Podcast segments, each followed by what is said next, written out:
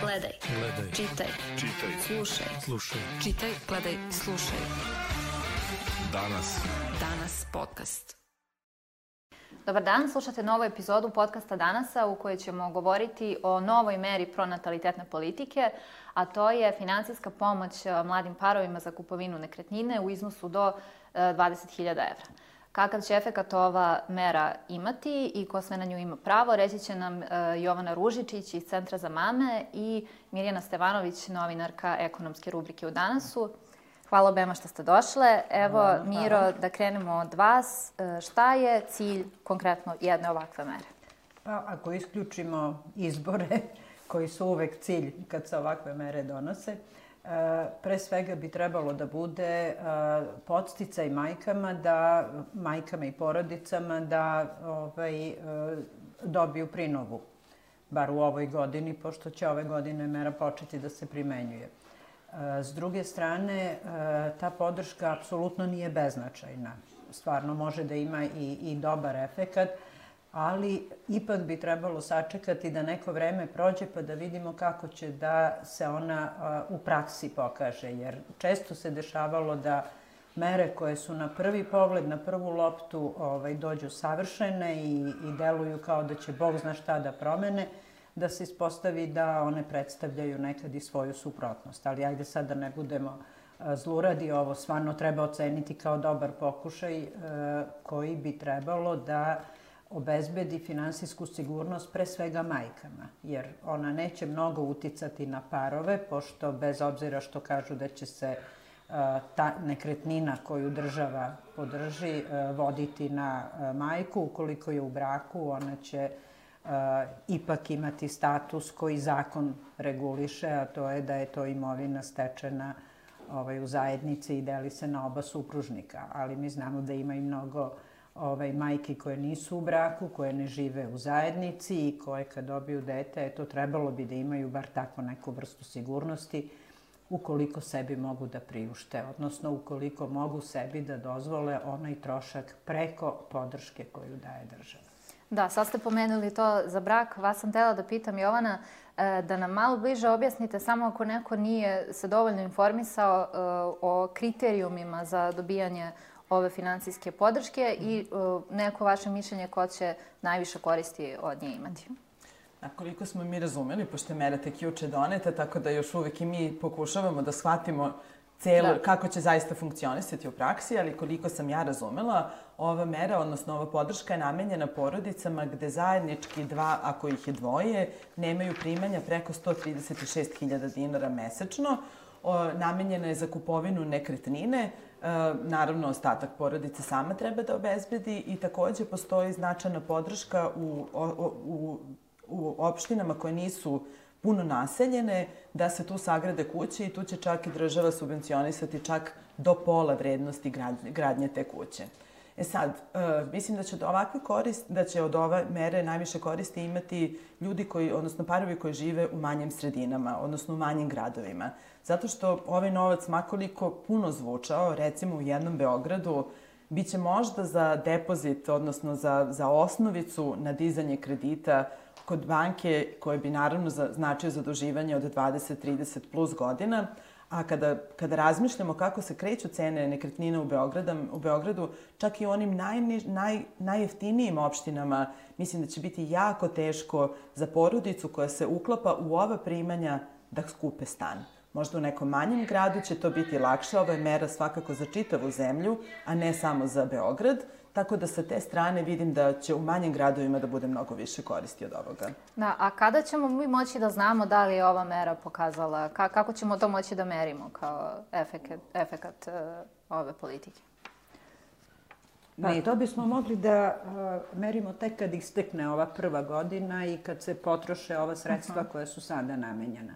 Ja pretpostavljam da, uh, do, da će do izbora, možda tamo negde pred izbore, biti podeljena neka prva tranša otprilike čisto efekta radi, ali pravi, uh, pravi efekat će se tek videti kada istekne godina. Ono čega se ja pribojavam, to je da a, neće moći sve porodice koje imaju na to pravo, a rečeno je da pravo imaju sve žene koje dobiju dete ovaj, u ovoj godini, da neće moći to pravo i da iskoriste, bar ne sa sredstvima koja su do sada predviđena. Naime, predviđeno je negde oko 10 milijardi dinara za to, to je negde oko 85 miliona evra.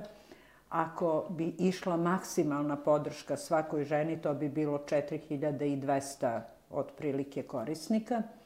Međutim, neće biti svima isto, pa možemo da računamo negde između 6 i 7 hiljada porodica će moći, odnosno žena će moći to pravo da iskoriste. U Srbiji se godišnje rodi nešto preko 60.000 beba. To znači da će mnogi ostati ovaj, uskraćeni za tu pomoć ukoliko se taj budžet za tu podršku ne uveća. I to, ovaj, rekla bih da će to više od polovine tih ljudi ovaj, eh, neće moći da ostvari to pravo. Prvo zato što recimo negde oko 20 od 100 neće moći da ispuni ovaj cenzus eh, do 135.000 zajedničkih primanja ali nažalost kod nas e, ogromna većina bračnih parova, pogotovo mladih, ima primanja koja su ispod toga. Ovaj, oni su čak i ispod onog, e, ispod medijalne plate od 40.000, tako da pretpostavljam da će ovaj, e, bar negde, da će ova sredstva koja su planirata, planirana biti dovoljna za nekih 30% ovaj, majki u ovoj godini. Da, a jel mislite... Ako mogu Možeš, samo da se da. nadovežem da. na pitanje koje ste postavili. Ovaj, zaboravila sam malo pre kad sam rekla ko će imati najviše koristi od ovoga. Da, ljudi koji žive u manjim uh mhm. -huh. sredinama. Ali zapravo će najviše koristi od ovoga imati neko ko je već planirao da kupi da, stan. To je bilo dakle, neko ko ima sredstva da kupi stan ovih 10 ili 20 hiljada će zaista puno značiti. Možete čitav stan da opremite za 10 hiljada, možete da date depozit u banci. I sa te strane, ako već imate neka sredstva, ako ste već godinama štedili i pokušavali da se stambeno obezbedite, ovo zaista jeste podrška. Ako vam stan nije bio na listi mogućnosti, ova mera ga neće to staviti. Pitali ste kada ćemo moći da razumemo efekte. Mislim da je jako bitno da razumemo šta je cilj. Da li je cilj da se dobiju izbori, da li je cilj da se poveća broj e, mladih porodica koje kupuje stanove ili je cilj da se poveća natalitet. Što se izbora tiče, zaista neću komentarisati, iako ja ovu meru vidim kao predizbornu meru, a ne kao meru koja suštinski menja bilo šta ali e, možemo da merimo koliko je porodica kupilo stanove. Da li to znači da će se u tim stanovima rađati više dece, nemamo apsolutno načina da znamo. Ako je ovo pronatalitetna mera, onda pokušavamo da možemo da merimo po tome koliko se bebe rodilo. A bebe se neće rađati zbog bilo kakve finansijske pomoći. Jednostavno, onaj ko želi da ima dete će imati dete, onaj ko ne želi neće imati. Ono što je potrebno je vera u sistem. Ono što je potrebno su zakoni koji su isti za sve, pravila koje su ista za sve, e, dostupnost pravde, pravda koja je dostupna svima koje ne razločite se po sudovima godinama i godinama. Zaista je potrebno jedno mnogo šire, šire, šire, šira vrsta podrške, a ne samo finansije. Lepo znači, zvuči jedno onako... stabilno okruženje. Apsolutno, stabilno okruženje, pre svega da će roditelji imati poverenja da će država biti tu, da će zakoni se poštovati, da će sve biti kako treba. I sa te strane, kada razmatrate ovakve sve mere, one zvuče bombastično u medijima, pogotovo što je vrlo često se opisuju kao Vučić dao ovo. Pa mislim, nije izvadio, nije on to nasledio od svog dede. To je novac koji mi svi uplaćujemo u budžet porezima koje plaćamo svakog meseca. Dakle, kada ove sve mere zvuče vrlo bombastično, ako već ima novca za ovo, zašto nije zagarantovan minimalac svakoj ženi koja je na porodiljskom bolovanju, odnosno no, bolovanju tokom, za negu deteta? Dakle, prvi godinu dana života jednog deteta, mame su često u situaciji da imaju plate 12.000 dinara, 11.000 dinara, 7.000 dinara. Prva tri meseca je garantovan minimalac, a ovih ostalih devet ništa nije garantovano. Ako već ima novca, zašto tu ne damo novac? Jer su to žene koje su radile, to nije davanje, to je njeno pravo da ima neku vrstu podrške. Ako već ima novca, zašto ne izjednačimo status mama preduzetnica sa ostalim zaposlenim ženama? Zašto se ne bavimo, to su suštinske promene koje pre svega vode rodnoj ravnopravnosti. Jer često čak i u rodno ravnopravnim brakovima, kada dođu deca, mama postane mnogo tradicionalnija, tata postane mnogo tradicionalniji. Mi ovakvim oduzimanjem od plata ženama koje su zaposlene utičemo na to koja je njena mogućnost da finansira potrebe svoje prodrudice. A onda dolazimo, država će dati, Vučić će dati.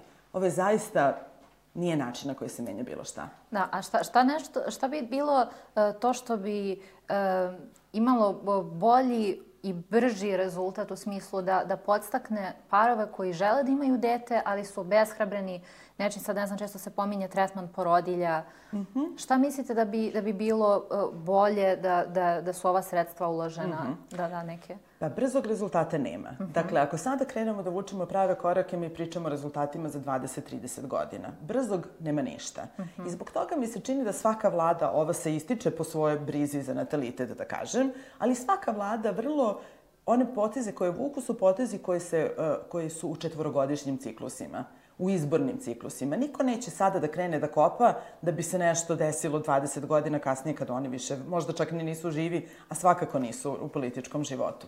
Trebalo bi puno toga da se desi. Kada pričamo o tome da se zakoni poštuju i da su dostupni građanima, pričam recimo o tome da mlada žena kada ode na razgovor za posao, vrlo često je pitana nezakonita pitanja. Da li ima dečka, da li je udata, ko će da se brine o deci, da li planira porodicu i tako dalje. To je nezakonito. Naš zakon to reguliše. Kome će te žene da se obrati? Nikome. Da, vi ste upućeni. Koliko si, ili se to stvarno to toliko često, često dešava? dan danas da. dešava. Pre deset godina su blanko otkazi, što je kada se zaposlite, potpišete da dajete otkaz i onda kada trenutka kada ostanete u drugom stanju, poslodavac samo ili poslodavka popuni datum i vi ste dali taj. Znači, ti blanko otkazi se sada vrlo redko dešavaju. Ali standardna pitanja na intervjuu su dan danas još uvek kakve su vaše porodične situacije. Da porodilišta su najlakše za popraviti. Najlakše, nešto, to, to, je, to bi recimo možda mogao da bude brz rezultat. Ne brz rezultat kao za dve godine, ali brz rezultat za nekoliko godina. Istraživanje Centra za mame pokazuje da svaka deseta žena u Srbiji nikada više ne želi da postane mama samo zbog iskustva koje imala u porodilištu. A onda posle toga idemo dostupnost vrtića, da li će dobiti otkaz kad se vrati posle porodiljskog. Ima tu puno toga. Nije samo do novca. Da. E, interesantna stvar kod ove mere jeste to da e, stanove dobijaju, to jest novac za stan dobijaju žene, to jest mame.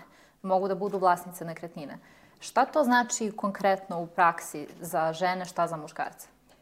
E, za žene u principu ne znači ništa ukoliko su u braku i mhm. ostanu uh -huh. u braku, jer zakon već reguliše ovaj, to da se imovina stečena u braku e, deli podjednako supružnicima. E, mera može da znači onim ženama koje nisu u braku i koje ne žive u zajednici, koje same odgajaju svoju decu, e njima može da znači, ali naravno pod uslovom da one imaju sa strane neka sredstva kojima će uz ovu podršku moći, moći da obezbede nekretnine.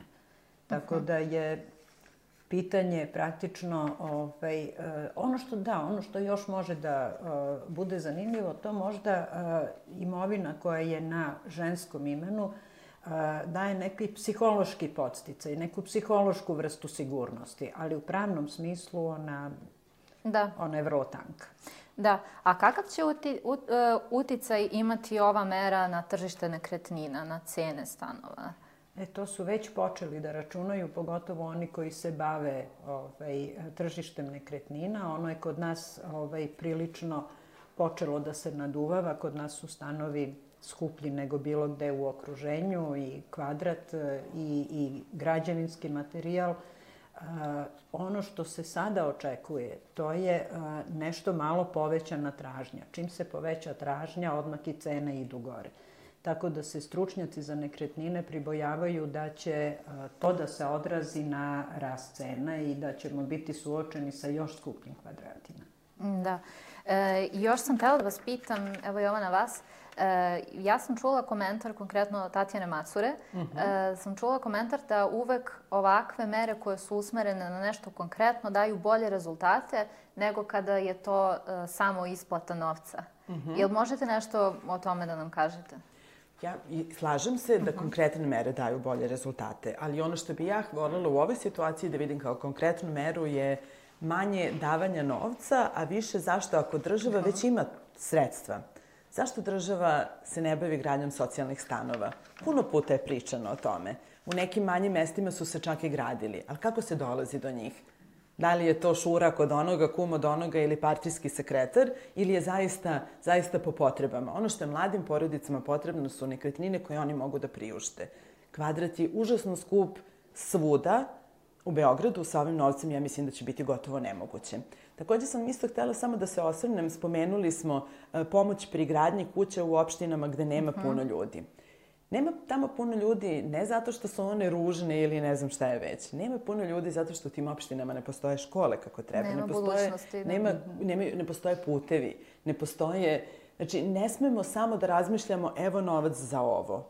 Ja mislim, recimo, ova mera gde se, pod, gde se podržava vraćanje u manje mesta i građanje kuće se meni lično više sviđa. Mislim da je ona realnija i primenjivija i korisnija u praksi ali ne sme da stane na tome. Hajde da gradimo vrtiće u manjim mestima, hajde da gradimo puteve, hajde da gradimo škole, hajde da postoji infrastruktura koja ljude iz manjih mesta, odnosno decu, đake vozi u veća mesta gde idu u škole. Uh -huh. Mi dan danas imamo đake koji idu po šumi da bi stigli da završe školu. Kako je to moguće? Eh, ja bih se nadovezala na ovo samo ovaj, ne samo ta društvena infrastruktura koja neki društveni standard odražava, nego i privredna infrastruktura je neophodna, jer vi u mala mesta ne možete da dovedete ljude koji nemaju posao, nemaju šta da rade tu. Ali e, ta privredna struktura se ničim ne podstiče, pogotovo ne u manjim sredinama. Za njih važe, za male privrednike u malim sredinama, važe ista pravila kao za velike korporacije u, u prestonici a to jednostavno jedno sa drugim ne ide. Vi u malim sredinama imate mogućnost da negujete zanate, da negujete e, neke raritetne ovaj, poslove. E, ima dosta mogućnosti da tu bude nešto specifično, nešto po čemu će čitavo mesto da bude poznato, ali država mora da uloži da bi to mesto postalo brend da pomogne da se ono brendira, da se ono, da ono dobije geografsku zaštitu ili koju već, i da kao prepoznatljivo može da absorbuje radnu snagu sa tog područja. Da, jasno. Hvala vam puno što ste bile gošće ovog podcasta. Slušajte nas i sledeće nedelje. Gledaj. Gledaj. Čitaj. Čitaj. Slušaj. Slušaj. Čitaj, gledaj, slušaj. Danas. Danas podcast.